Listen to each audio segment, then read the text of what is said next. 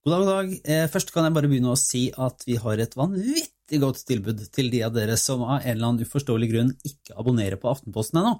Så hvis du går inn på eh, den lenken som ligger ved denne episoden, så kan du benytte deg av et tilbud som gir deg digitaltilgang på Aftenposten i ti uker for bare ti kroner.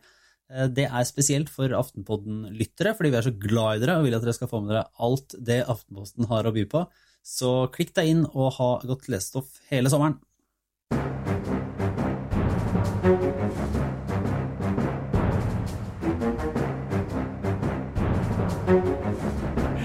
Ja. Ja. Nei, men Da er vi i gang og ruller på med en eh, sommerlig utgave av Aftenpodden. Eh, det er eh, torsdag, nå litt sånn ettermiddag, og det er så varmt rundt omkring at det er vanskelig å se for seg at det fins noe verken dagligliv eller sånn politisk virkelighet i Norge. Og det gjør du kanskje ikke heller. Nei, akkurat det. Så, men vi, vi, gjør som best vi kan og er inne i da sesongen eh, for avsluttende pressekonferanser. Og det gir noen knagger til å snakke litt om det som skjer både i Rødt og i Senterpartiet og, og litt sånn andre ting. Men eh, vi får si velkommen alle sammen. Så hyggelig. Trine Eilertsen, går det bra med deg? Ja, det går bra med meg. Og jeg er veldig glad for at vi har en eh, utskremt medarbeider på alle pressekonferansene. Sommerpressekonferansene. Ja. Så gå på alle. Han er i rommet. Ja, for Kjetil Astheim, du har jo nå vært, du har vært innom to i dag. To i dag. Hvor mange, har, hvor mange har det vært? Er det, det har vært disse to og Arbeiderpartiet sin? Arbeiderpartiet at eh, SV hadde i går Nei, når var det? Eh, tirsdag, den var jeg ikke på. Da satt jeg i ledermøte med Trine isteden. Eh, og Miljøpartiet De Grønne hadde. Det var mandag.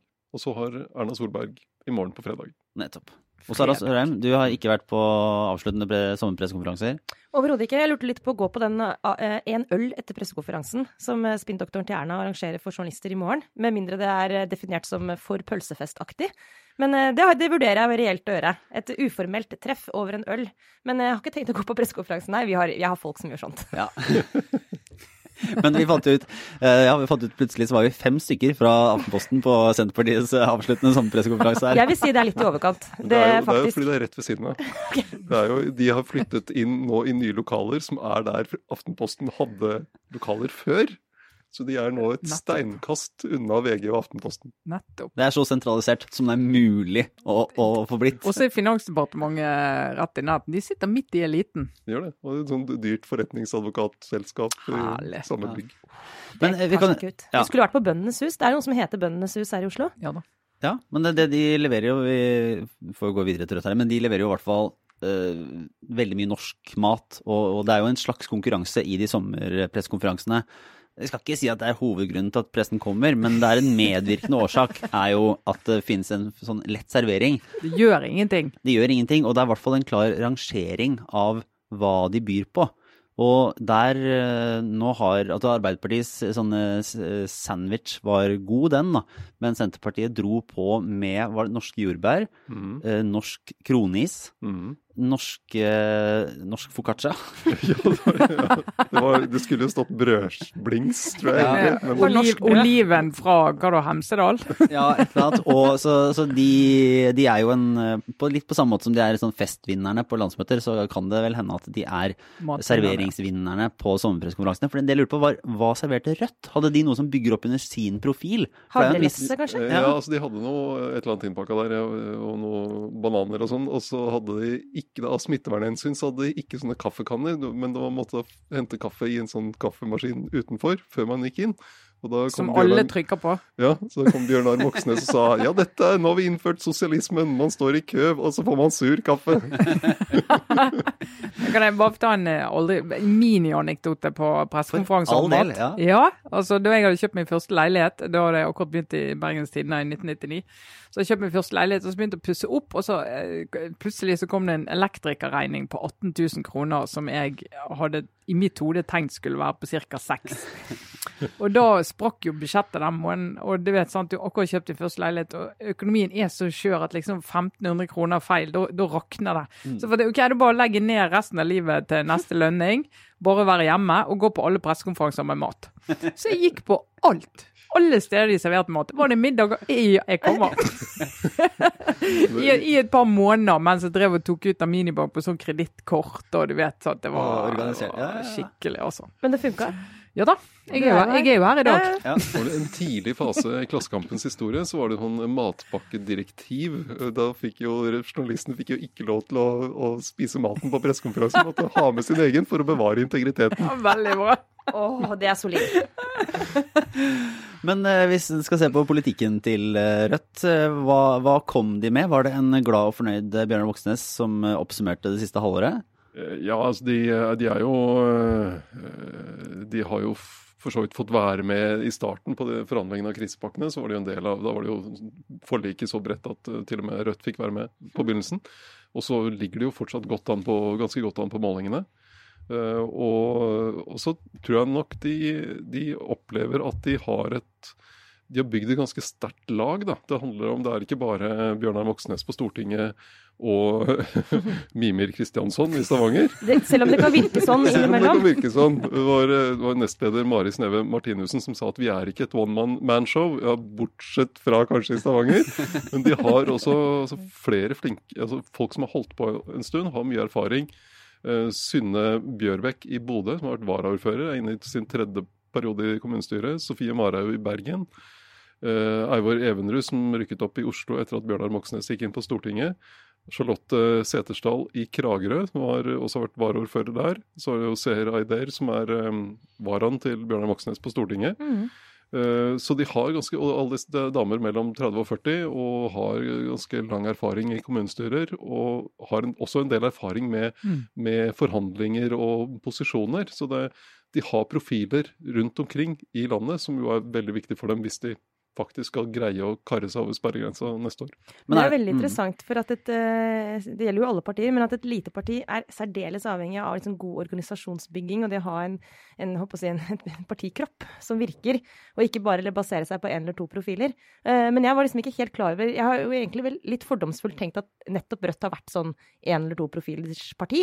Eh, Og det har gått litt sånn under radaren. Men- Med, ja, med litt Ja. sånne sure Nå er vi rett i fordomsland, da, men sånne sure gamle gubber som sitter på et kommunestyre og roper i et hjørne. ja. Ja, Vi har Eh. fortsatt Jens Ingvald Olsen, eh, 68 år i Tromsø, men han er jo en, eh, altså, en, en figur i Tromsø-politikken. Var eh, ordførerkandidat, var så vidt finansbyråd før de avviklet den by, byrådsmodellen der oppe igjen.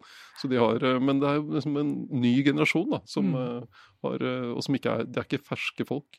Men er det da da skal jeg ikke forvente altfor mye av din inngående kjennskap til f.eks. lokalpolitikk i Kragerø, men, men er, det, er det da å se en ny eh, bølge av en form for sånn mer kompromissvillighet eller samarbeidsorientering også fra Rødt lokalt? For det har jo vært Det har jo veksla, og det er typisk med fløypartier, at man har en, en, en fløy som egentlig vil stå, stå ute og, og rope og trekke debatten i sin retning, og så er det noen som vil inn og delta i, i koalisjoner og, og bidra til å, å jobbe med politikken innenfra. Og i Rødt har jo vært et stå på utsida-parti i, i veldig stor grad og i hovedsak lenge. Men vet, vet, ja. vi noe om de Men i Oslo Ja, har de jo, ja, ja, ja. Altså, har de jo inngått budsjettavtaler, sant? og der har de jo jobbet godt på den måten at de har hatt et par saker som har vært utrolig viktige for dem. Det har vært eh, kommersialisert velferd og liksom saker som de har sagt er dette vi skal ha i budsjettet. Og så er de akkurat eh, en sånn størrelse at byrådet trenger de, eh, og de får de sakene, så de kan hele tiden, og så slipper de jo å ta ansvar da, sant, for eh, helheten. Men de har noen sånne eh, hjertesaker som de får igjennom, og så har de jo en del andre saker, f.eks. sånn eh, leiepriser og sånn i Oslo i kommunale boliger og sånn, så de kan liksom kjefte på byrådet selv om de står utfordret, så de også har høy troverdighet på. Og en del sånn sosiale spørsmål, sånn at da klarer de denne balansen med å både få ekte politiske seire og kunne drive med, med en retorikk som er viktig for de for å mobilisere enda mer. Da. Og jeg tror jo, altså, Selv om du er et utenpåparti, og de har ønsket jo ikke å gå i byråd, har jo ikke ønsket det, for det, da, da mister du jo veldig mye frihet. Mm. Eh, Så når jeg, akkurat den størrelsen der er ganske nydelig sted å være når du er på vei opp som parti, da. Passer mye innflytelse, men ikke ansvar. Nettopp.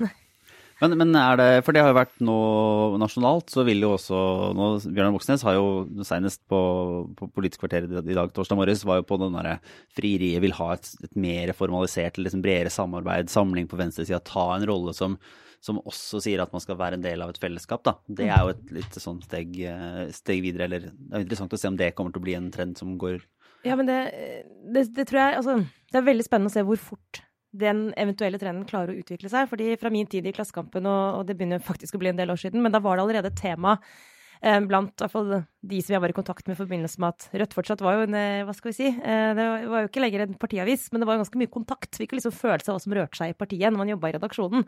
Også fordi det var mye sånn sukking og stønning over, over Rødt. Det jo, det jo det slutter aldri å fascinere hvor mye krangling det er mulig å få til på venstresida, blant folk som tilsynelatende egentlig er enige om det meste. Men uansett, da var det jo allerede da, for ti, over ti år siden, en diskusjon om denne fornyelsen av Rødt, eh, og dette generasjonsskiftet som veldig mange gikk og venta på. Altså når er det de gamle ML-erne skal liksom slippe taket? Og mange trodde jo at ja, det skjer når som helst. Liksom rett rundt hjørnet nå så kommer det en ny generasjon. Eh, og nå er jeg ikke så godt oppdatert lenger, men det, det tok lengre tid enn jeg tror mange, mange, tenkte. Og det jeg lurer på, er om Bjørnar Moxnes, som jo representerer et generasjonsskifte, men om han egentlig er en slags sånn mellom Om man må vente på en måte en generasjon til Eh, det kan godt hende, nemlig. Før Rødt er et hva skal jeg kalle for noe, et, liksom et, et, eh, moderne venstre-radikalt parti uten ML-arven. Og ML-arven i dette tilfellet her betyr jo eksempel en sterk motvilje mot samarbeid med liksom reformistene i SV og høyreavvikerne i, i Arbeiderpartiet. Så jeg tror på en måte den eh, Det kan godt hende at selv ikke Bjørnar Moxnes blir den overgangsfiguren, faktisk. Men at det er da kanskje en av de du nevnte i stad, Kjetil, som kommer opp, som er så unge at de faktisk ikke husker engang hvordan, liksom, hvordan stemningen var i partiet da det var de gamle 68-erne som satt med all makt. Mm. Det, og, og, jeg tror jo at det veldig, hadde vært fint for Rødt om det gikk litt fortere, men det, det tar, tar, tid, altså. Sitter skikkelig dypt inn i liksom hele partiets identitet at de er noe annet. Mm. Og det å inngå sånne, sånne, samarbeid er ekstremt krevende for liksom kjernen. Og det er jo krevende for kjernene, de partiene de eventuelt skal samarbeide med. Absolutt. det er jo i Arbeiderpartiet og SV. Det, det, er jo ikke akkurat en no-brainer å bare Nei, men du, nå setter vi oss ned med de kommunistene. Ja, og det var jo, altså Konfliktnivået det har jo, har jo vært helt enormt høyt. sant? Og det er jo, ja, nei, det er, det er ikke noe sånn, det er ikke åpenbart, og heller ikke åpenbart at det er Jonas Gahr Støre som har evnene som skal til for å liksom få dette til på et sånt regjeringsnivå. da. Klarer liksom å samle alle disse ulike stemmene og viljene og kreftene. Ja, det, ja. Hva er det vi pleier å si? Det blir krevende. Det blir krevende, ja. Men, men Senterpartiet, Kjetil, der har du jo åpenbart også vært og spist is. Eh, der eh, de strever ikke med samarbeidsdiskusjoner. Nei, uh, Vedum fikk jo spørsmål om det, da. Og da sa han vi vil ha en Arbeiderparti- og Senterparti-basert regjering, og det er sagt siden 2016, så dere kan bare bruke det jeg har sagt i de årene etter 2016. Og noe av styrken hans er jo at han er så konsistent. Han har liksom valgt en strategi, uh, og han greier å stå fast på den. Han lar seg ikke lokke utpå til å spekulere om hvis det blir sånn og det blir det sånn flertall. Han bare holder på den. Uh, og det kan han gjøre fordi det går bra, bra for partiet. Mm. Så, men, og, og, så tror jeg nok også det som er interessant med Senterpartiet, at de er ikke opptatt av at det skal være en flertallsregjering. Mm. De kan godt ha en mindretallsregjering med Arbeiderpartiet, som kan samarbeide med litt uh, ulike partier på Stortinget. Men jeg, jeg, hørte på det, for jeg var jo der, og, og Vedum er veldig, han er veldig god eh, Jeg vet ikke helt hvordan det er med han som motgangspolitiker. Han starta jo der, egentlig, som leder, men i medgang så er han i hvert fall veldig, veldig flink. Og det, det holder han gående. og Han tar han bare dytter unna eh, det som måtte komme og er vanskelig. Men jeg lurte litt på akkurat det med mindretallsregjering. Er det, tror du det er reelt, eller er det et slags forhandlingsutgangspunkt som gjør at, at det står mer på spill for SV, da, f.eks., som har sagt at de i utgangspunktet vil i regjering, eller i hvert fall vil ha gjennomslag for noen klare krav? At, eh, at Senterpartiet sier eh, at de klarer seg fint uten. Så det, det, må mye til for å overbevise dem. Er det, er det, tror du at de er så klare for mindretallsregjering? Eh, jeg tror det er reelt, fordi ja. de ser at de kan, eh, de kan altså Det blir mye bryderi hvis de må ha med seg mye rask, sånn SV, MDG, Rødt. Altså blir mye, mye, eh, mye vanskelighet, vansker med det. Og det, de kan danne flertall en annen vei. Og du, eller, og du vet ikke hvordan dette vil se ut. Altså, også er det jo, Alle sentrumspartiene har jo egentlig den logikken i seg. sant? At uh, du går inn i det beste for de, på en måte hvis ikke de har rent flertall i sentrum, og det har jo aldri skjedd. Det er å gå inn i en regjeringskonstellasjon, forhandle knallhardt i plattformen, få de store seirene der, liksom Senterpartiet får det de skal ha der, og så gå ut i Stortinget og si uh, her kan vi finne flertall. For de har jo genuint muligheter for flertall begge veier. Sant? Men gang, men for et parti som SV så er det jo helt annerledes. Akkurat som for Frp så er det jo, da er det jo bedre å være inne i en flertallskonstellasjon. for da har du, du har flere seire sannsynligvis nærmere din politikk, fordi at det regjeringssamarbeidet er nødt til å lande nærmere deg oftere da, enn hvis du skal ut i Stortinget og prøve å finne flertall. Tror dere det er helt usannsynlig nå? Er den ballen for alltid lagt død eh, i KrF om å samarbeide andre altså på andre siden av streken? Med en mindretallsregjering utgått av? Arbeiderpartiet og For Senterpartiet? Ja, altså, Nei, det er ingenting som er for alltid. Nei, for det er jo et helt pars- åpenbart. Dette er jo et parti som tror på evigheten, så det er Og mirakler. Ja. Og ikke minst gjenoppstandelsen. Men jeg tror for, for Vedum så er det i hvert fall det å snakke om noe annet, det blir bare en avsporing. Han vil ikke bruke tid på å snakke om de tingene. Han, derfor er han så tydelig på en Arbeiderparti-Senterparti-basert regjering, og ferdig med det. Ja. Og, så, og så er det et hestehandlerparti som, som gjør det beste ut av det når resultatet ligger der. Ja, for det kom jo, Da det kom opp i den pressekonferansen i dag, var jo bl.a. på spørsmål om, om hva han syntes om et utspill fra, fra ordfører Ivar Vigdenes, som, som har sittet og samarbeida med eh, borgerlig side. I det, ja, det kunne vært en løsning også for, eh, også for, eh, for Senterpartiet nasjonalt. Det er vel ikke noe nytt at, at Vignes tenker i de baner. Han er jo gamle rådgiveren til Ola Borten Moe, eller i hvert fall Ja. parhesten. Eh, var formelt rådgiver òg, hvis jeg ikke husker Men, feil. men sånn, ja, nettopp, Representerer jo den fløyen. Nettopp derfor så er det jo lett å tenke utenfra, i hvert fall, at, Mm. eh, at han ikke mener noe som er helt annerledes enn Ola Borten Moe, som jo er nestleder. Og at eh, hva, hva kan man lese inn i at det spilles opp fra noen som sitter så sentralt og regnes som en sånn, sånn maktfaktor i partiet, at det faktisk skal kunne bryte med den strategien som, som uh, Trygve Slagsvold Vedum har banka inn siden 2016? Eh, Det er ikke noe overraskende eh, at det kommer fra den kanten. Eh, Og så er det, er det altså Vedum er jo veldig klar når han avviser det. Og det er jo fordi eh, hele argumentasjonen hans blir veldig rotete hvis han skal begynne å åpne for å samarbeide med de partiene som han bruker alle, alle sine våkne timer i døgnet til å angripe for å Ja, det sentralisere vil jeg landet. absolutt si er, det er rotete. Det er definisjonen av surr. Ja, Men det er jo denne gryende, altså, som har jo vært der en stund, med denne miljø-klimakonflikten i Senterpartiet. Altså, noen saker er veldig lett til Senterpartiet. Ulv er jo ikke vanskelig. Men eh, klima og utslipp er jo mye vanskeligere. Bensinpriser. Vi hadde jo et oppslag eh, i dag, vel, med lederen av Senterungdommen, som eh, sier at ja, må jo være åpen for å øke bensinprisene. Mens det har jo vært liksom sånn Vi har sånn tvekamp mellom Frp og Senterpartiet om hvem som er minst interessert i å øke bensinprisene, og helst vil sette de, sant? eh, sette de ned. Så det jo en, ligger jo der, og blir jo sikkert sterkere i Senterpartiet som i alle de andre partiene som står midt i den problemstillingen. Og noe av det interessante der er jo når du ser på, på Senterpartiets velgere, de som sier de vil stemme Senterpartiet, så er de, de ligger de hakk, et hakk unna FrPs velgere på å være lite interessert i klima. Så spørsmålet er har egentlig Senterpartiet noe å hente på å liksom skjerpe klimaprofilen de sin? Skal de er det- klimapolitikk? Er det noe Eller er det bedre å være mot de upopulære klimatiltakene som høye avgifter og sånt? Men der er det vel også en endring Det er jo en forskjell der mellom de som Altså hvis man spør velgerne til Senterpartiet, og kanskje en del av de som har fått eh, Som har kommet som tilsig nå de siste åra, de er jo kanskje da på en mindre klimavennlig eh, et mindre klimavennlig spor enn en del av de lokalpolitikerne som opp igjennom har vært du si, Åslaug Haga, ja. altså den, den delen av eh, Senterpartipolitikere som, som sitter med makt, eller er det Ja, men, det, men der tror jeg det er veldig litt sånn forskjell på lokalt og nasjonalt. For lokalt er jo altså Senterpartikommunene, det er jo de som Altså de ønsker jo eh, større frihet til å eh, forvalte strandsonen lokalt, til å si ja til snøscootere lokalt, til å liksom ikke være Altså verne de rette delene av jord og utmark, men ikke verne alt. Du har tross alt bønder og, og grunneiere som har lyst til å utvikle og bygge hytter og alt som er. Sånn at lokalt så har det jo mange Senterpartikommuner en voldsom konflikt med Fylkesmannen, f.eks. Eh, Pga. begrensninger på utviklingsmuligheter. Men den klimapolitikken nasjonalt, der, der er det jo det er jo veldig mye forskjellig ståsted i Senterpartiet. Helt fra den langt ute på oljesiden der så Borten Moe er, helt ut til det grønne der Oslo Haga var, da. Mm. Men jeg innbiller meg at de som har kommet godt fra Frp til Senterpartiet, da, det er det en del av den delen som Hvertfall lar seg de som liksom, De som har blitt med nå de siste årene, og som er sjarmert av eh, til, i hvert fall sånn i nærheten av populistiske utspill fra partilederen. Som har blitt fanget inn i den der medgangsbølgen. Ikke vet jeg, Lars, men jeg skjønner litt på en måte spørsmålet ditt. Ja, det er lett ja. å tenke seg at de kanskje har et litt annet eh, altså utgangspunkt for å ha sympati med Senterpartiet enn de som har vært aktive i lokalpolitikken i årevis.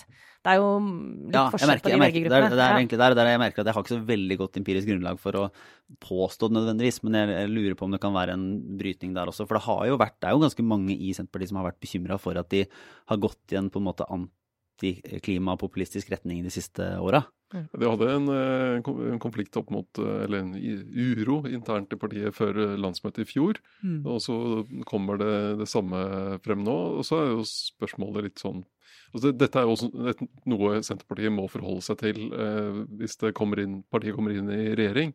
Og så er spørsmålet hvor frem mot valget, hvor viktig er det for Senterpartiet å, ha, å vinne på en måte klimadebatten? Det er nok av andre partier som er, er veldig tydelige og bruker mye krefter på, på klimapolitikk, så da kan Senterpartiet ha- de ser jo ut til å ha en vinneroppskrift på å snakke om andre ting. Ja, for det, jeg skulle si, det er jo Av og til så ser politikk lekende lett ut.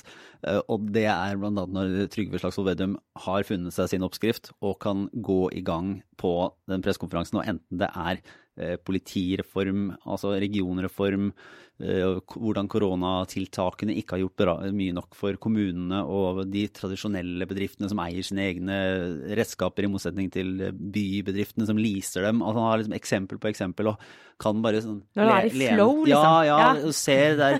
Det, det må være en utrolig deilig virkelighet å på en måte ha tegna seg opp sitt verdensbilde og kan eh, leve gjennom det Stoppe alle sakene inn i Ja, det. ja, ja, ja. Jeg husker jeg hørte Bjørn Dæhlie en gang, nå kan dere lure på hvorfor jeg trekker opp det, men han i et intervju fortalte om sånn hvordan det føles å gå på ski.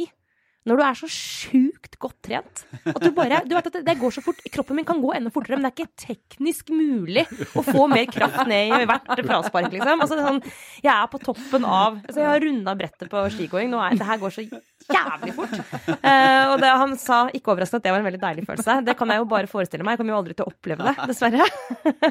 Selv om jeg i gode øyeblikk kanskje kan få meg selv til å tro det. Men jeg har innsett det når jeg pusha 40, det går ikke. Men, eh, men eh, Vedum, da er han tror jeg litt sånn politikkens Bjørn Dæhlie. Når du ser at han bare liksom, er bare i sånn der flytsone. Jeg tror jeg tenker at jeg kan, jeg kan ikke trå feil. Jeg har altså bare en vidåpen låvedør, så jeg bare boff dundrer inn i og kjører på. Og da blir jeg, selv om jeg jo ikke overraskende kanskje ikke så ofte opplever at jeg blir truffet, at jeg er målgruppa hans, så kan jeg selv jeg liksom bare se sånn Dette er gøy å se på. Det er gøy å se folk ha det så morsomt og være så bare liksom på kjøret, liksom. Og der er nok han sånn det vil si, altså, ja, Han er vel den som har vært nærmest, i hvert fall, den følelsen i norsk politikk de siste, siste årene. De andre går litt tråere andre steder. Jeg tror ikke Jonas Gahr Støre har akkurat den følelsen. nå, han er litt mer sånn Per, Ele per Ellefsson etter et lite, lite har, overtrening. hadde kanskje første året som utenriksminister. Kanskje. Ja, Men, Det risiko, tror jeg kanskje. ja, men risikoen for Senterpartiet da, er jo at de, hvis klima skulle seile opp som et viktig tema inn i valgkampen neste år, så, og de ender i en posisjon der de stemples liksom som uansvarlige og litt, puttes i skuffen med Fremskrittspartiet på klima, så, så kan det bli en eh, litt tung, tung runde. Men avslutningsvis på akkurat det, dere var innom det i i forrige sending også, men mm, ja, nok en gang, denne saken er krevende for nesten alle. Eh, og kommer til, jeg tror, det, jeg tror det kommer til å være en periode i norsk politikk hvor mange kommer til å streve med posisjonen sin i klimaspørsmålet opp mot annen liksom, realpolitikk. Og så må det liksom gå, apropos generasjoners gang, jeg kan godt tenke meg at liksom, dette kommer til å flytte seg.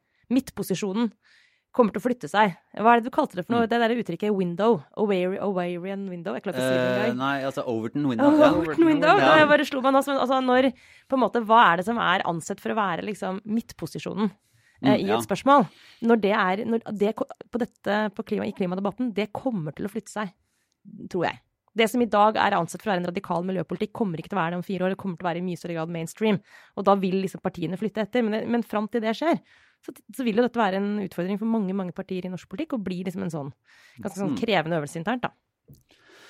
Eh, var, var, var det noe mer viktig som vi Eller var det noe viktig? Jeg vet ikke, jeg vet ikke om det var det noe med regnet som Altså, det eh, er som regel ikke så mye viktig på de sommeroppsummeringene. Det er bare et sånn sysselsettingstiltak for eh, politiske reportere som venter på å gå ut i sommerferie. ja. ja, men For da tror jeg vi kan eh, gå videre. Men jeg har, eh, vi har jo vi har vært litt dårlige til å følge opp eh, posten vår. eh, Gode, men ubekreftede rykter, Ja. som jo har fulgt oss fra starten. Som, som eh, det skal understrekes at alle har til felles at de er helt sanne.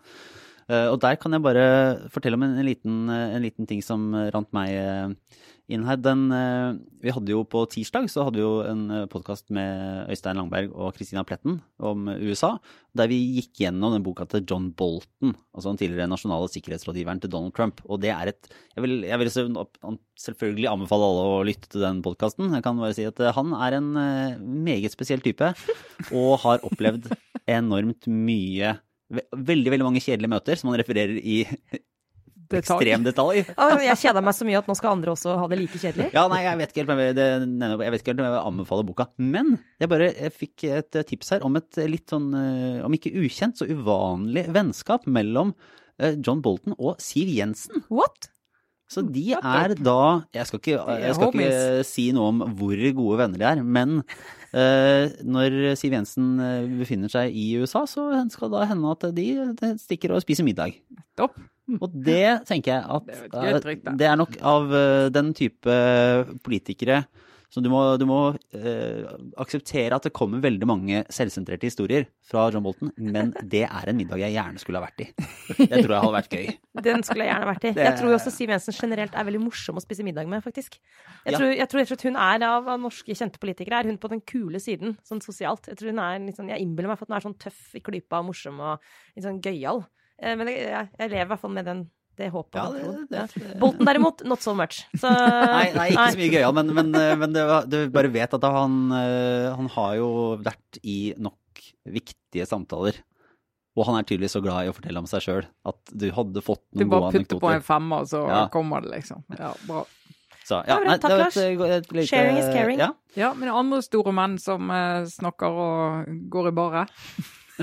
Skal vi Ja. snakke litt om det nå? Ja. Sitter, sitter på hendene her, prøver å, prøver å Ja, hva er det, hva er det, vi har, vi har på en måte har vi fordelt dette utover som en slags obligatorisk refleksjon. Som, vi det? Er det du som får Skal vi eh, bare snakke om det. Kan vi bare snakke om det, ja? Skal vi reflektere også? Nei, nei, vi, Jeg foretrekker å slippe å reflektere. Bare, kan vi bare liksom tømme oss litt? Eh, Ja. Hadde vært fint for meg. Jeg kjenner at jeg har litt uttømmingsbehov på den tingen jeg tror du skal Men du skal få introdusere det da, Kjetil. Ja, men da kan jeg gjøre det. Siden du ikke er så farget om, av om Altså, du- ser jo noen tilfeller i næringslivet, eller forskjellige ledere, som kommer ut i situasjoner der du tenker at burde det ikke vært noen i dette landet som tilbød liksom, krisehjelp til eh, næringslivsledere?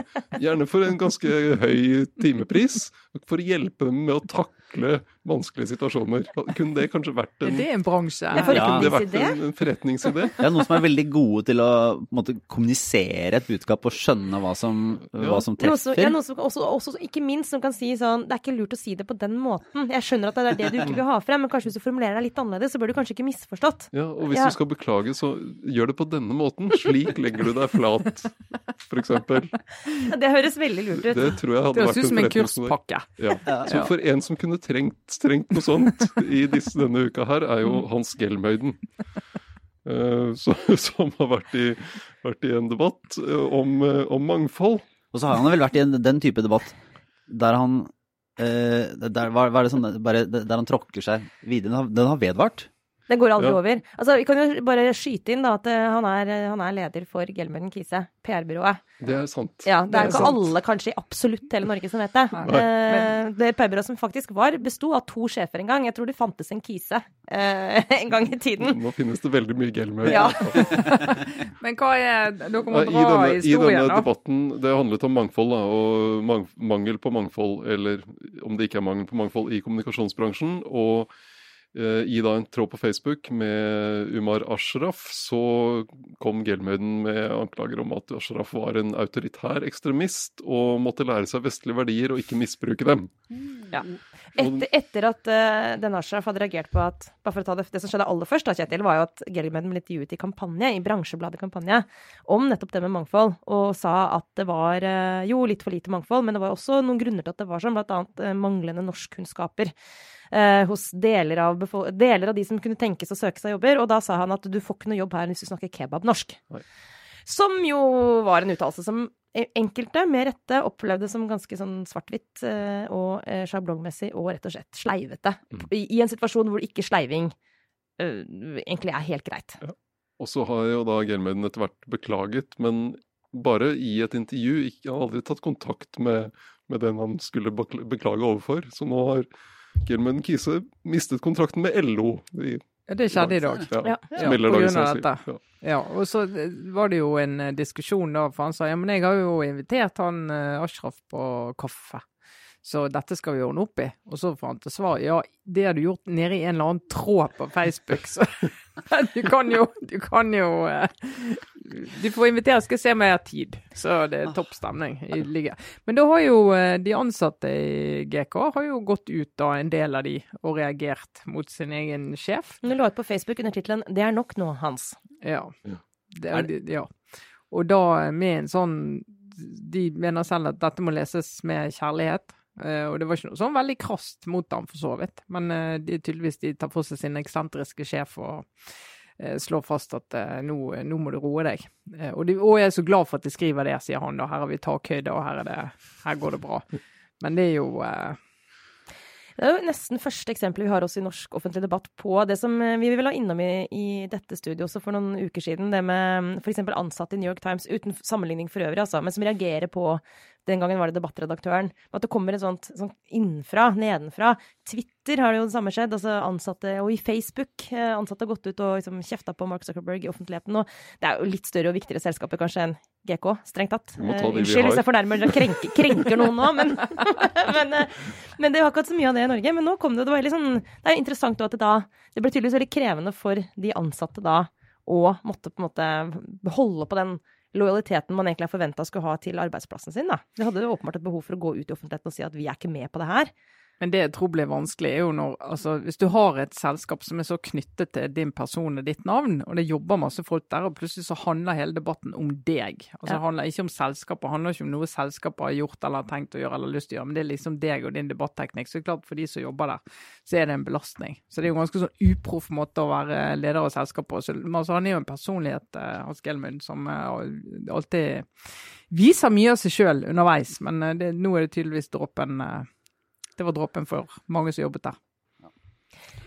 K- Kan jeg da få lov til å ønske nå, Nei, nå skal jeg prøve å veie ordene mine. Altså, jeg, jeg vet jo Det finnes jo absolutt menn eh, av den sjangeren som, eh, som absolutt bør være en del av offentlig debatt, og som kanskje har hatt det litt tøft, og som kjenner at det, nå er det vanskelig å være hvit mann, fordi nå er det, blir jeg forbigått av det ene og det andre. eh, og det er liksom sikkert litt krevende. Men, men bare, vet du hva, det, det, uff, jeg driter i det. Jeg tenker sånn, vet du hva, nå håper jeg at denne eh, lille andedamsvalsen rundt Hans Gelmøden kanskje i ettertid kommer til å bli stående som et sånt tidsskille. Hvit mann mistet grepet på tidsånden. Fikk kjeft og kom seg aldri tilbake. Tenker jeg sånn, Flott. Og så kan vi liksom gå videre, og så kan det være litt sånn herre ikke lenger like greit å slenge av seg slaute kommentarer eh, på den måten i en debatt som andre strengt tatt bør liksom få lov til å føre. Da. Den derre der varsomheten knytta til at noen ganger så er det riktig at det er akkurat du som skal mene noe. Andre ganger, vet du hva, det finnes andre mennesker med kompetanse, med erfaring, eh, med kunnskap, som er mer interessant enn min. Så bare kanskje ro deg litt, sånn, gå litt tilbake. Noen vil sikkert si det for øvrig at det singler i glass akkurat nå når dette kommer fra meg, men uansett. Bare slipp til noen andre. Bare hold litt kjeft en stund. Takk. Over og ut. Ja, men eh, nå går vi videre til litt obligatorisk refleksjon. Eh, Syns du ikke dette var reflekterende nok? Jo, det var veldig Det var det Ja, ja, altså det her, er obligatorisk refleksjon. Ja, ja, ja. Men så, se, se, jeg vet ikke, jeg kan kanskje begynne. Det er, det er ikke noe veldig langt eller, eh, eller viktig. Men nå har jo da Premier League begynt igjen. Og eh, fotballen eh, begynner så smått å starte. Eh, som Arsenal-fans har jo det ikke vært noe veldig god opplevelse i det hele tatt. Men det er noe, noe kjent og kjært ved å kunne se fotball på TV, og man er glad i, glad i det. Men det er jo fortsatt med, altså uten publikum. Ja. Så det er jo helt stengt. Hva har de gjort, da? Dette skal du få høre om nå, Trine Eilertsen. Ja. Fordi Tenk at du ikke vet det. De Altså, har- Jeg vet jo ikke, jeg ser jo ikke fotball på Nei, nei. TV. Men da har, har, da har det dukka opp dilemma, for nå kan man enten se med stadionlyd, som altså er ingen lyd. Det var Litt sånn roping og huffing og pusting og, fra Ja, så så på treningskamp Ja. de Ja. Den reelle liksom? lyden. Ja. Den lyden som Ja. er der, på en Ja. måte. Ja. Så, eller så kan man jo jukse og legge på jubel. Ja. Og det har man da muligheten til. Sånn som til. i sånn sitcom, sånn TV-underholdning. Et slags boksjubel. Ja. Nei. Så, eh, og, og det her har jeg jo da måttet Du har prøvd begge deler nå. en, ja, og ender opp i et dilemma. Fordi jeg vil jo egentlig ikke være med på å forfalske opplevelsen av å se på sport. For noe av det som er med sport, er jo at du vet ikke hva som skjer, og det er noe eh, som, som, foregår der og da, og utviklingen kommer, og, og det er levende. Eh, så hvis du skal begynne å justere litt her og få folk til å jeg vet ikke, ja, De høres litt bedre ut eller ser litt bedre ut eller er annerledes, så er jo ikke det helt bra. Men jeg må erkjenne at jeg har nå blitt tilhenger av falsk Hva? stadionlyd. Du har det, ja. Ja. Dette, for meg, dette er helt uforståelig for Er meg. er dette, nå er dette en kløft i podkasten. En avgrunn mellom oss. Jeg, i motsetning til deg, har jo gleda meg veldig til at eh, fotballen skal starte igjen. Selvfølgelig. Som supporter av verdens beste lag, så går det til å vinne Premier League i år. Eller det Åh, jeg skulle ikke sagt det høyt. Jeg er fortsatt nervøs. Men, eh, men uansett, eh, det er gøy å se Liverpool Kan du opplyse Liverpool, ja. Liverpool, ja. Liverpool. Hallo, må du spørre om det? Jeg spør på vegne av noen Ja. lyttere. Det er så mye ukunne i dette studio. Jeg er gal. Men eh, i hvert fall så hadde jeg jo den diskusjonen med meg selv og andre. Uh, men jeg, for det er helt uaktuelt for meg å høre på sånn bokslyd. Det er, for det første mener jeg at det er, det er liksom i strid med vår liksom, Du mener det er uetisk? Det er uetisk. Ja, det er det, Ja, det Som redaktør er helt, det er helt uforsvarlig å gjøre det. Men også fordi det er gøy. Det må være merket, i hvert fall. Ja. Med sånn M for manipulasjon. Nei, men det som jo er kjempegøy, men det tror jeg handler litt om min egen, eh, sånn, eh, mine egne minner om å spille fotball. Det er jo kjempegøy å få høre, endelig. Hører man jo hva spillerne roper, og treneren roper, og så det er jo supergøy. Nettopp å få den lyden fra stadion. Eh, Og det er jo akkurat som å stå Plutselig så er det litt som å stå liksom på mm, eh, kunstgressbanen på Skjetten på en eh, fotballkamp mellom liksom, Piker 12, Skjetten-Lørenskog, hvor du liksom ja, mm. og det, jeg syns det er veldig koselig. Jeg tenker sånn, dette er, Det blir et eller annet sånn hjemlig og kjært med det. Og så er det gøy, du kan jo høre at de roper ting til hverandre og banner og Det er faktisk litt gøy. Men, Ja. jeg, men jeg, jeg må bare Jeg er ikke bedre menneske enn at jeg, Yes. jeg mister litt uh, fokus når, når det er så stille. Da, Du begynner å gå og hente brus i ja, da, kjøleskapet. da, det føles ikke Da føles ikke Det er kanskje fordi det går så dårlig, men da føles det ikke viktig lenger. ja, det står ingenting på spill. Nei. Nei. Så, men det, ja. Det, jeg bare Jeg vil anerkjenne at det er et vanskelig valg, og at, eh, at eh, både vi og, og verden er delt om dette her. Det er godt Men å snakke om det litt, da. Jeg måtte i hvert fall erkjenne det, og så får jeg ta, ta konsekvensen av det. Åssen er det med deg, Kjetil? Har du noen eh, kloke tanker eller kontroversielle meninger å lufte? Nei, eh, ikke etter den ranten fra Sara her i stad. Skal jeg bare ta over? Kanskje jeg heller kan be deg om et råd? Ja, ja, det er vel Oi. det. Ja, hvis jeg får lov? Ja, ja, ja. får lov. Mhm. Altså, som jo er, jeg har lært at det, eh, det fikk jeg som råd en gang selv, at eh, hvis man er, hvis man er i, liksom, i relasjon med noen på jobben, eksempel, som man har litt dårlig, eh, dårlig forhold til, rett og slett, så veldig lurt å be, be vedkommende om et råd. For det er den beste måten å signalisere sånn, jeg har respekt for deg, Mm. hvis det skulle være noe tvil om det. Så da har jeg tenkt å gjøre det. Så kan du lese hva du vil inn i det. Mm. Nei da, spøk til side. Nei, det er min OR, Lars, hvis jeg kan Ja, ja, dra ja, det. Det er bare mm, en ting jeg synes er sånn, et ekte dilemma eh, når man er en del av en sånn mer eller mindre offentlig debatt, som jo vi som er i pressen og som er redaktører og så videre, vi er jo det innimellom. Det er en del av jobben, og vi representerer jo også de mediehusene vi jobber i, og skal faktisk ut og innimellom for eksempel forsvare journalistikken, eller, eller unnskylde ting man har gjort som er feil, eller ikke sant. Det er, og jeg er veldig opptatt av at jeg, jeg, eh, men jeg mener at også journalister og redaktører i enda større grad enn vi gjør, bør liksom være ute og snakke med leserne, forklare hvordan vi tenker, være åpne rundt metodikk, og ikke minst liksom være i stand til å ta imot kritikk uten å gå i den derre utrolig eh, kjedelige og dessverre ganske vanlige selv, selvforsvarsposisjonen, sant, hvor man bare ja, fremstår som arrogant og ikke interessert i å høre hva folk faktisk har å bidra med, osv som vårt, vårt laug innimellom eh, gjør. Det, det, men jeg bare I praksis så hender det at jeg havner i situasjoner hvor jeg bare syns det er så vanskelig når man får kritikk eh, som er som, som, Nå kan jeg bruke meg sjøl som eksempel, da. Eh, det hender at NTB for eksempel får kritikk sant, om vår journalistikk, og som jeg noen ganger tenker er så utrolig Altså, eh, premisset for den kritikken vi får, er så feil i mitt hode, da. ikke sant? Og jeg synes det er så urettferdig og ufint. For eksempel typisk at vi blir, som mange andre medier, er um, anklaget for å være for å drive med sensur fordi vi bare skriver kritisk om Trump, sant? Eller, eller at, vi driver, at vi er en propagandamaskin for venstresiden, eller kommunistene, eller Ja, det er veldig mange sånn typiske anklager som kommer, men som kommer fra både skribenter og offentlige stemmer, gjerne også publisert i redaktørstyrte medier. Altså det er en reell kritikk. Men hva gjør man når man møter kritikk som Er det riktig da? Skal man liksom bruke tid på å svare på en sånn type kritikk som oppleves som bare sånn oppgulp, som er, ikke er sannferdig? Uh, skal man da gå inn Skal man gå inn i de nettdebattene? Skal man gå inn i de kommentarfeltene? Skal man være en aktiv deltaker og på en måte prøve å opplyse og prøve å bidra? Eller skal man bare tenke at det, bare det å gå inn i det er i seg selv å anerkjenne en type sånn kritikk som egentlig er på en måte Altså det, det, som er så på en måte under beltestedet, eller såpass rett og slett bare feilaktig.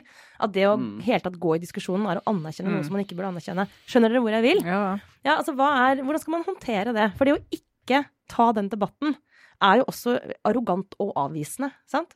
Dessuten så ender vi så blir det jo stående, den Det blir stående. Ja. Pluss at vi ender opp med å ikke snakke sammen, sant? Hva ville du gjort, Kjetil? Um, jo, nå skal du høre her, Sara. Skal jeg mansplaine dette for deg? Ja takk. Det er lov når man blir bedt om det. Ja, nei, det er, det er noe med det er, det er litt vanskelig, fordi det altså, Skal du gå inn i Alle ting trenger man ikke gå inn i, men det er fint å kunne gi de svarene fordi eh, For å rette opp fakta, da. eh, og, og gi, gi vår Den versjonen man har selv. Eh, og også i sosiale medier så blir det jo En ting er at du kanskje ikke når frem overfor den personen som har eh, sannsynligvis et, eh, bestemt seg for hva, vedkommende mener, men det er noe med at svaret blir synlig for andre. Som ikke som nødvendigvis sier noe, men som er der og, og får med seg ting. Så det, det er um, Men så blir jo en vurdering av hvor er dette her, eh, hva slags medier er publisert i, hva slags, også i sosiale medier er det en sånn anonym konto med eh, Det blir Ja, så jeg har ikke noe klar praksis på det. Sånn som. Redaktørforeningens eh, leder eh, Arne Jensen, han gikk jo her om dagen inn i, på Resett sitt kommentarfelt og gikk i, liksom, eh, i, i debatt med, i kommentarfeltet der og holdt på kjempelenge. Og svarte opp på veldig mange ting. Og fikk både kritikk for det, fikk også, han fikk faktisk ganske sånn krass kritikk fra enkelte for å ha på den måten anerkjent kommentarfeltet, sant? Mm. Gjennom å på en måte ta det på alvor. Mens andre, og det syns jeg også, det, meg selv inkludert, tenkte at det var en veldig ålreit ting å gjøre. Og veldig sånn fint å bruke tid på det og anerkjenne at vi skjønner at dette er Vi kan ikke på en måte late som at disse stemmene ikke finnes, og sånn, usynliggjøre det òg, da. Men, men jeg skjønner jo at den der kritikken for å med det også anerkjenne en debattform som vi egentlig syns er destruktiv. Men det er jo, altså er jo du, du kan ikke gå inn i alt, i alt du får kritikk for. Det er jo ikke sjans til å gjøre det. sant? Og der er jo så er litt sånn, Man siler jo litt, og det er jo typisk Jeg forholder meg ikke til folk som ikke står frem med eget navn, f.eks., eller du ser har en sånn eh, tullekonto, eller så er en sånn eh, på noen som helst måte som falsk avsender, da. Det tenker jeg at eh, det minste du får gidde å gjøre hvis du skal kritisere oss, det er å si hvem du er, hvor du kommer fra, hva ståsted du har, for det er interessant. Eh, akkurat som vi må gjøre. Eh, og så er det jo eh, nettopp det at du kan jo gå inn, forklare det du mener. Eh, og i denne, altså hvis du har en konkret veldig usaklig angrep som blir publisert et sted, så trenger du ikke engang gå inn i det som blir sagt der, sånn punkt for punkt, for det har jo ikke noe for seg ved premisset på jordet. Det er jo bare å liksom benytte anledningen til å si dette er måten vi jobber på, dette er måten vurderingene våre skjer på. Og så Kjetil sier, da vil jo mange lese det som ellers ville tenkt at eh, NTB er en arrogant, stengt organisasjon, og han har sikkert rett, så, Mm. siden de ikke svarer. Men du, du klarer ikke å svare på alt. Det er ikke mulig, og det er heller ikke hensiktsmessig.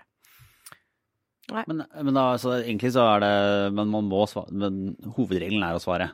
Ja, hovedregelen er jo å svare, tenker jeg. Uh, og det er jo, så merker du av og til at det, det er fullstendig nytteløst. Fordi at de du svarer er så inne i sin egen virkelighet at det, uansett hva du sier, så blir det enten mistenkeliggjort eller det blir De tror bare ikke på det, da. Og de kan ha et publikum som følger de, som er på samme hakket, og det ser du ganske raskt. At det har ikke noe mening, men da har du i hvert fall prøvd, da. Mm. Og i hvert fall ikke bare stengt døren og sagt at det fins ikke. Og jeg syns det Arne Jensen gjorde på Resett. Sant? Han gjør det en gang, viser eh, at det er mulig å gå inn i den diskusjonen. Eh, Han kommer ikke til å gjøre det hver dag, han kommer ikke til å være i det kommentarfeltet. Men han gjør det, han har latt seg intervjue der, ser kommentarene på det, og går inn og svarer, da. Mm. Og det er jo bra. Det var i hvert fall helt åpenbart for meg at alternativet er ikke liksom å vende ryggen fra en stor del av norsk offentlig eller semi-offentlig debatt og bare late som den ikke finnes. Det, er, det ville vært Altså, det er ikke en farbar vei. I hvert fall ikke for oss som har som jobb å, å, være en del av og til og med inn- innimellom røkte liksom, norsk offentlighet. Så tenker jeg det er en sånn forpliktelse man har, da. Men det bare innimellom så føles det som utrolig sånn nytteløst. Ja, altså, ja. Det som av og til er sånn frustrerende, er hvis en av disse her er da type sånn Dagsnytt 18 ringer, og så har du fått kritikk fra en eller annen som du tenker ja, men vi er jo ikke i samme eh, solsystem. Altså, hvor skal denne debatten begynne, på en måte? Hva er premisset for debatten? Ja, men dere har jo fått kritikk, og vil du svare? Ja, men det er veldig krevende å svare på en kritikk, så er sant, altså jeg har en del eksempler i hodet, da. Så du, du liksom blir sittende der og så tenker du ok, kommer vi godt eller dårlig ut av å gå inn i det studioet i debatt med en person med en sånn virkelighetsoppfatning, da. Eh, jeg har gjort det flere ganger, og da har jeg bare gått inn og tenkt at eh, jeg forholder meg egentlig ikke hva den personen sier. Jeg sier det som jeg har å formidle om måten vi tenker på, eller måten vi jobber på, eller om det er noe jeg, måten jeg skriver eller tenker på. Uh, og du kan ikke egentlig gå inn i ja, men det er ikke sånn, du kan ikke gå og liksom prøve å korrigere den virkelighetsoppfatningen, for du har ikke sjans, sant. Mm. Så får de heller få fremført det, da. Men selv om jeg må innrømme at av og til er terskelen veldig lav for hvem som får lov å komme og si hva. Det skal nå sies. Ja. Men da, det er en nydelig overgang til min uh, anbefaling. Å herregud, ja. det hørtes så sjukt proft ut. Bare Denne si ordet uken. overgang. Ja, overgang, sant. Og det er jo uh, våre venner i litt større mediehus, uh, New York Times, leder av kommentaravdelingen der, de har Bitte en podkast. Mm. The Argument heter den. Jeg anbefaler å lytte til den. Der, så, jeg tror Lars har anbefalt den før, men i den podkasten så sitter jo medlemmer fra kommentaravdelingen i New York Times. Eh, to, særlig to da, som står på eh, hver sin side politisk. En typisk liberal og en eh, konservativ. Nå har de diskutert den nedsmeltingen av kommentar- og debattavdelingen i New York Times i forbindelse med den Tom Cotton-innlegget som gjorde at debattredaktøren i New York Times måtte gå av. Eh, og da har de en diskusjon om meningsjournalistikk som er utrolig interessant. Uh, og hvor eh, de viser, de viser, hvordan de har, deres syn har utviklet seg gjennom den debatten. De havner, de starter på ganske likt sted, havner på to forskjellige steder. Og har en utrolig god diskusjon om det. Så jeg bare vil anbefale å høre på. Og så vil jeg bare én ting til som jeg vil lyst til å bare si hurra. Og det er Sigrid Vågeng, Nav-sjefen i dag, mm. som uh, går til knallhardt angrep på Stortinget. Ja, og det skal man jo ikke gjøre når man er etatsleder sånn uh, tradisjonelt i norsk kultur og sånn. Uh, men det hun egentlig sier, det er at for Nav har jo fått enormt mye kjeft, og også selvfølgelig regjeringen, for at folk som ble permittert i mars, ikke har fått pengene sine før nå. Eh, og at ikke, disse nye systemene og nye ordningene som Stortinget vedtok, de kom liksom ikke opp å stå før nå. Det tok så lang tid. og sånn, Politikerne har plaget regjeringen med nå må det skje, nå må det skje. Eh, og alle vi andre kjefter på Nav. og og da eh, sier hun, og det er litt sånn befriende, syns jeg, når en sånn tassleder sier at Vet du, Stortinget ga oss i praksis, sier hun, de ga oss et umulig oppdrag. Det var ikke mulig å løse det de ba oss om å gjøre, og vi advarte. Vi mm. sa hvis dere går inn på det detaljnivået der, og sier at dere skal utforme sånn og sånn løsning, sånn og sånn, det her er ting vi vanligvis bruker flere år på. Det er liksom, det er høringer, det er lovendringer, det er alt som er. Det er ikke mulig å få det gjort innenfor rimelig tid. Men de gjorde det likevel. Mm. sant? Og, og, så får hun til svar fra politikerne at nei, det måtte vi gjøre, og det er regjeringen vi har kjeftet på. Men, men like forbanna så var det ikke mulig å få det til. Mm. Og du gjør det vedtaket hun sier hadde de gitt et rundere vedtak, så det var mulig å jobbe innenfor, så kunne vi ha fått levert ut de pengene tidligere, da. Og det er ganske knallhard kritikk, egentlig. mot... Så bra at hun eh, kommer med den. Ja, og det syns jeg er bra når de som sitter på innsiden går ut og sier at eh, nei, vi fikk ikke til det som vi ble bedt om å gjøre, for det var ikke mulig. Men, men eh, forskjellen på det og en uh, ansvarsfraskrivelse, hva er det da? Altså, for du kunne jo sett at altså, Sigrun Vågeng og Nav de skulle jo gjøre dette. her. De fikk i oppdrag Politikerne sier ja, vi visste hva vi gjorde. Uh, hva, hvor, hva er det som tyder på at dette ikke bare er at de ikke har gjort jobben sin riktig, men at de faktisk har et, uh, har et poeng? Ja, nei, altså det er jo Det kan man sikkert helt sikkert mene at ja, men hvis bare Nav hadde skjerpet seg, eller hvis de hadde hatt 10 000 ansatte til, så hadde det jo vært mulig. og så hadde det vært mulig. Men jeg mener at det at hun sier det at det var ikke mulig fordi at det var for detaljert, det, det syns jeg er veldig sannsynliggjort at, at hun har rett i det. Eh, og da tenker jeg hvis hun ikke sier det, hvis hun ikke hadde sagt det, da, så hadde vi mm. levd mange av oss i den uh, oppfatningen av at uh, Stortinget gjorde et kjempegodt vedtak og prøvde virkelig å ta vare på folk, men så sviktet Nav. Mm. Mm. Og Forskjellen på ansvarsfraskrivelse og sånn kritikk er vel nettopp om faktisk det er riktig eller ikke at det var en umulig oppgave. Ja, ja. Og, og, og, da syns jeg at det er viktigere at hun sier det. Og så får jo heller noen komme og si da, til hun igjen at nei, men dette er ansvarsfraskrivelse, dette burde dere bare fikset. Og så kan hun si ja, hvis vi skulle fikset det, det hadde krevd sånn og sånn og sånn. og sånn. Da får du en, en, eh, diskusjon du kan lære av. Men hvis de aldri sier fra, så lærer vi ikke. Vi mm. kommer ikke videre. sant? Ja, men fint. Har du en liten anbefaling på tampen her? Jeg har en veldig liten anbefaling Ja. på tampen til når, når folk skal lage sin sommerspilleliste nå. Så Ja, kan du er jo kulturredaktør. Ja, er utnevnt av Sara til kulturredaktør i Aftenposten. Så det er Ane Brun har sluppet en ny eh, låt denne uka, tror jeg. Eller eh, veldig nylig. 'Honey' heter den. Det er den femte av uh, sanger hun har sluppet i løpet av våren, som da sikkert kommer i et nytt album. Og som er uh, Den er uh, Jeg, jeg har falt veldig for den. den hun har hun forteller at hun i ungdommen, tenårene, så drev hun og brevvekslet med, med noen. Eh, Og de spilte også inn kassetter til hverandre og sendte. Og så har hun funnet eh, en av de kassettene, så hun har sampla sitt, eh, seg selv som 18-åring inn i starten og slutten av den sangen. Og så synger hun til seg selv som 18-åring og forteller om hvordan dette livet kommer til å gå.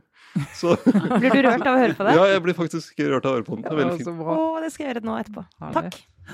Allmuen som for øvrig også, bare for at du også skal få si det, Sara, at du liker Normal People, som vi snakka om sist. Hun Ja, har jo en, eh, en coverversjon av en låt i, eh, Ja. i lydsporet til Normal People, der lydsporet også er verdt å høre på. Jeg må ta ansvar selv for de gangene jeg ikke får vært med i sending, at dere også kan snakke uten meg, selv om jeg syns det er litt vondt og vanskelig. Eh, særlig når dere da snakker om normal people, så jeg ikke kan snakke om det. Men jeg, jeg, jeg står i det. Eh, men det er en fin serie. Eh, nei, men Så fint. Da tror jeg vi runder av fra det som skulle være en Ja, vi skal være litt eh, korte i dag. Det har ikke vært så mye som har skjedd. Det, det skjedde ikke, men det var veldig veldig hyggelig. Eh, Så vi håper alle får en eh, strålende varm og fin eh, helg. Og så får vi se. Vi er vel Prøver å dytte sommerferien enda litt fremover. Ja, jeg er inne på jobb en uke til i hvert fall. Ja, det er jeg òg, så da spørs det om ikke vi kommer ut neste uke òg.